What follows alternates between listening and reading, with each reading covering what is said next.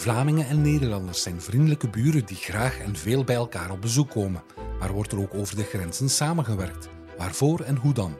Doen ze dat met plezier of alleen als Brussel en Den Haag daar geld voor geven?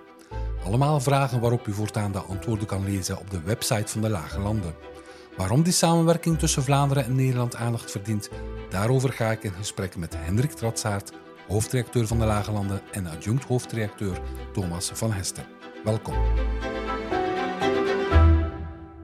Welkom heren. Hendrik, ons erfdeel, de uitgever van de Lage Landen, heeft altijd al aandacht gehad voor de band tussen Vlaanderen en Nederland. Nu wordt een aparte chroniek in het leven geroepen, waarin wordt ingezoomd op de samenwerking tussen beide regio's. Van waar die keuze, van waar die focus?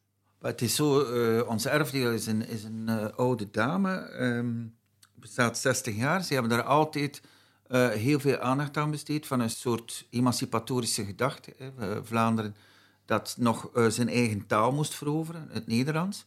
Uh, men deed dat vooral via essayistiek en reflectie. En op een bepaald moment ook door berichtgeving, actualiteit. de laatste twintig jaar in de, de, de koers van ons erfdeel, nu de Lage Landen, is eigenlijk die aandacht, die zeer specifieke aandacht, minder geworden en puur reflexief. Ik vond dat een, een aparte chroniek of een rubriek waarin toegespitst wordt op de gelijkenissen en de verschillen en de kansen uh, al dan niet benut tussen Vlaanderen en Nederland, dat dat beschreven zou worden. beschreven, toegelicht in verschillende media, dus zo, zowel reflexief als puur op actualiteitsniveau, berichtgeving, als op kritisch niveau, ik denk aan columns. De Lage Landen kan dus een soort bruggenbouwer zijn tussen Noord en Zuid. Ik denk dat je, uh, als je uh, de rol kan uh, waarnemen van positieve stimulator en kritische berichtgever, en je, je creëert daar een soort, monopolie is verkeerd woord, maar een, toch een, een, een toeleidende rol mee, dat je inderdaad zo'n rol kan vervullen. Thomas, jij coördineert die Vlaams-Nederlandse chroniek. Welk soort verhalen zullen we daarin lezen? Niet allemaal hoera-verhalen, veronderstel ik? Zeker niet allemaal hoera-verhalen. Ik hoop dat die er ook zullen tussen zitten. Maar er zijn natuurlijk nog veel zaken te verbeteren in de Vlaams-Nederlandse samenwerking. En we gaan ook schrijven over knelpunten en moeilijkheden daarin. Uh, het zullen verhalen zijn over alle terreinen waar er maar samengewerkt wordt tussen Vlaanderen en Nederland, van economie tot cultuur, economisch voorbeeld is de samenwerking van de havens Vlissingen, Terneuzen, Gent. Dat is zelfs een gefuseerde haven. Eigenlijk heel bijzonder dat we een haven hebben die in twee landen ligt en wat toch één bedrijf is. Dat is door de bank genomen een hele mooie geslaagde samenwerking. Dat is een economisch verhaal. We kijken ook naar culturele samenwerking. De laatste tijd zie je dat er meer en meer Vlaams-Nederlandse televisieseries worden gemaakt. Undercover is daar een mooi voorbeeld van. Je had ook Grenslanders. De regisseur van deze samenwerking tussen Vlaanderen en Nederland uh, zei iets heel moois. Hij zei: Dat voel je ook als je samenwerkt. Je moet investeren in het vinden van een gezamenlijke toon. Een soort stem waarmee je zowel Nederlanders als Vlamingen kunt aanspreken.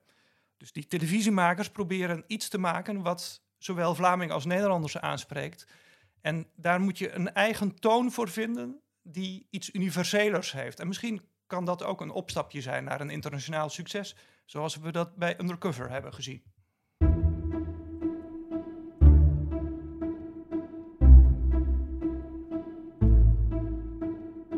Het lijkt evident, maar ik stel de vraag toch maar even. Waarom zouden Vlamingen en Nederlands moeten samenwerken? Wat is daarvan de meerwaarde? Er zijn allereerst allerlei praktische kwesties die je samen moet regelen. Als een varkensboer in Brabant eh, door strengere stikstofregels in Nederland pal over de grens gaat zitten en daar dezelfde stikstofuitstoot heeft die door de wind weer naar Nederland wordt gedragen, dan is er voor Brabant niks opgelost. Dus zeker in grensstreken is het belangrijk dat je ja, samenwerkt en regels afstemt. Uh, een ander voorbeeld is de vervuiling met uh, PFAS in de Schelde, dat stroomt vanuit uh, Vlaanderen, vanuit de haven van Antwerpen en vanuit het kanaal Gent-Terneuzen de Westerschelde in, Nederland in. Nou, er wordt steeds meer gezegd van het is belangrijk dat we samen de waterkwaliteit aanpakken, dat we samen regels bedenken over hoeveel vervuiling in die rivier mag zitten. Dat is een praktische, prozaïsche reden om samen te werken. Maar er zijn ook redenen die misschien wat romantischer zijn, um, maar die toch heel belangrijk zijn in mijn ogen. Um, je zou kunnen zeggen dat samenwerking tussen Nederland en Vlaanderen een soort oefening is in overeenkomen. We hebben allemaal clichés over elkaar. Er zijn kleine verschillen, maar er zijn wel verschillen die van betekenis zijn. Um, iemand heeft het wel eens geopolitiek en pocketformaat genoemd. Je probeert een gezamenlijke grond te vinden, uh, terwijl je ja, tegelijkertijd over elkaar allerlei voordelen en oordelen hebt. En ja, dat heeft iets moois, vind ik, dat je er samen probeert uit te komen. Vlaanderen en Nederland zijn natuurlijke bondgenoten, niet alleen op het vlak van economie of politiek of uh, geografisch, maar ook op het vlak van cultuur en taal kunnen we veel winnen als we samenwerken. Absoluut. En het is altijd onze, onze voor of onze sterkte geweest om daarover te berichten met ons medium. Uh, dus bijvoorbeeld als je de, de taalunie neemt, 40 jaar geleden in het leven geroepen door Nederland en Vlaanderen. Ja, die gemeenschappelijke taal, wat er allemaal gebeurt. Hè. Um, het, hoe, taal evolueert, hoe het zit met het onderwijs, hoe er academisch wordt samengewerkt, daar berichten we over. Is er ook veel over te melden. Uh, als het gaat over cultuur, neem alleen maar literatuur. Ja, het is dezelfde taal. Wij lezen, lezen Nederlandse boeken. Tom Lanois trekt, trekt, de grens over. Uh, dat is uiterst boeiende materie, zoals de letterenfondsen, die de laatste dertig jaar een voorbeeldig parcours hebben afgelegd van uh, steeds grotere toenadering en samenwerking naar het, het buitenland op vlak van vertalers, uh, anderstalige uitgaven, aanwezigheid op zeer grote internationale beurzen als Frankfurt en straks Leipzig. Dat is uiterst boeiend materiaal. Nu, op het vlak van cultuur is er ook heel veel spontane samenwerking. Het veld organiseert zich, dus dat is niet allemaal zo formeel. Er zijn samenwerking tussen uh, toneelgezelschappen die samen productie maken. Er zijn, uh, ik ken acteurs uit Vlaanderen die een uh, en regisseurs die een opleiding in Nederland genoten. Ramsi Nasser, een van de grootste Nederlandstalige acteurs, heeft zijn vorming gehad in, in het conservatorium van Antwerpen. Dus er, er, er is gewoon een heel groot veld dat voortdurend beweegt en waarvan we denken dat we er moeten over berichten. En niet alleen de, de, de officiële uh, economische uh, berichtgeving die je ook uh, elders vindt natuurlijk. Thomas, volg je Hendrik als die zegt van ja, de samenwerking bestaat wel. Je moet niet alleen kijken naar de overheid. Op het veld wordt er heel veel samengewerkt. Vooral op de domeinen taal, cultuur, onderwijs misschien ook. Hoe ervaar jij dat in jouw voorbereiding? Dat is uh, absoluut waar. Ja, we moeten niet alleen kijken naar door de overheid uh, geïnitieerde vormen van samenwerking, maar juist ook naar wat er uh, ja, vanuit het veld zelf aan initiatieven wordt genomen. En in een ideale wereld ondersteunt de overheid natuurlijk de initiatieven die vanuit het veld worden genomen. En daar zit misschien soms ook een kink in de kabel. ja.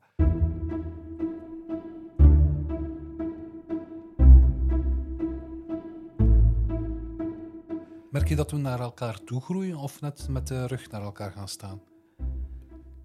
Daar is heel moeilijk een algemene uitspraak over te doen. Ik denk toch, um, ik ben zelf uh, in België geboren, in Nederland opgegroeid en recentelijk weer teruggekeerd uh, naar België. Um, mijn tongval is nog een Nederlandse tongval. Ik merk heel erg dat je dan voortdurend als de Nederlander wordt getypeerd en dat uh, daar toch een pakketje clichés uh, bij hoort. Dat men je als Nederlander al snel als een arrogante bedweter ziet. Uh, dus het, het, zijn maar kleine verschillen tussen Nederland en Vlaanderen, maar toch in de beleving van mensen zijn er betekenisvolle verschillen en is het heel eenvoudig om elkaar ja, een etiketje op te plakken en uh, in mijn ogen is onze oefening uh, bij de lage landen ook. Kijk eens verder dan die clichés en probeer uh, begrip voor elkaar op te brengen. En probeer ja, elkaars cultuur te snappen en te waarderen en het gemeenschappelijke te zoeken. Is dat het ultieme doel van die rubriek, van die chroniek, Hendrik? De verstandhouding verbeteren? Ik denk het wel. Voor een deel ons initiële eh, eh, missie is natuurlijk eh, berichtgeving en reflectie. Maar in een, later stadium, als je kan zeggen dat je eh, door eh, het, het volgen houden, eh, eh, eh, berichtgeven, eh, nadenken, eh, suggereren, debatteren, eh, aanbevelen, eh, dat je daar hebt toe bijgedragen, dan denk ik dat onze missie geslaagd is. Maar dat is een werk van, eh van lange adem, die uiteraard niet louter in onze handen eh, ligt. Maar ik denk dat we wel eh, zullen moeten kunnen zeggen na een paar jaar dat het een toegevoegde waarde is in het landschap. Oké, en met deze mooie ambitie ronden we af. Thomas, Hendrik, dank voor dit gesprek. Meer tekst en uitleg over Vlaams-Nederlandse samenwerkingen kan je vanaf 25 januari dus lezen op de website van de Lage Landen. Voor wie de weg nog niet kent, je vindt ons op www.dekoppelteken-landen.com. Ik herhaal www.dekoppelteken-landen.com. Op naar een mooie samenwerking tussen Noord en Zuid.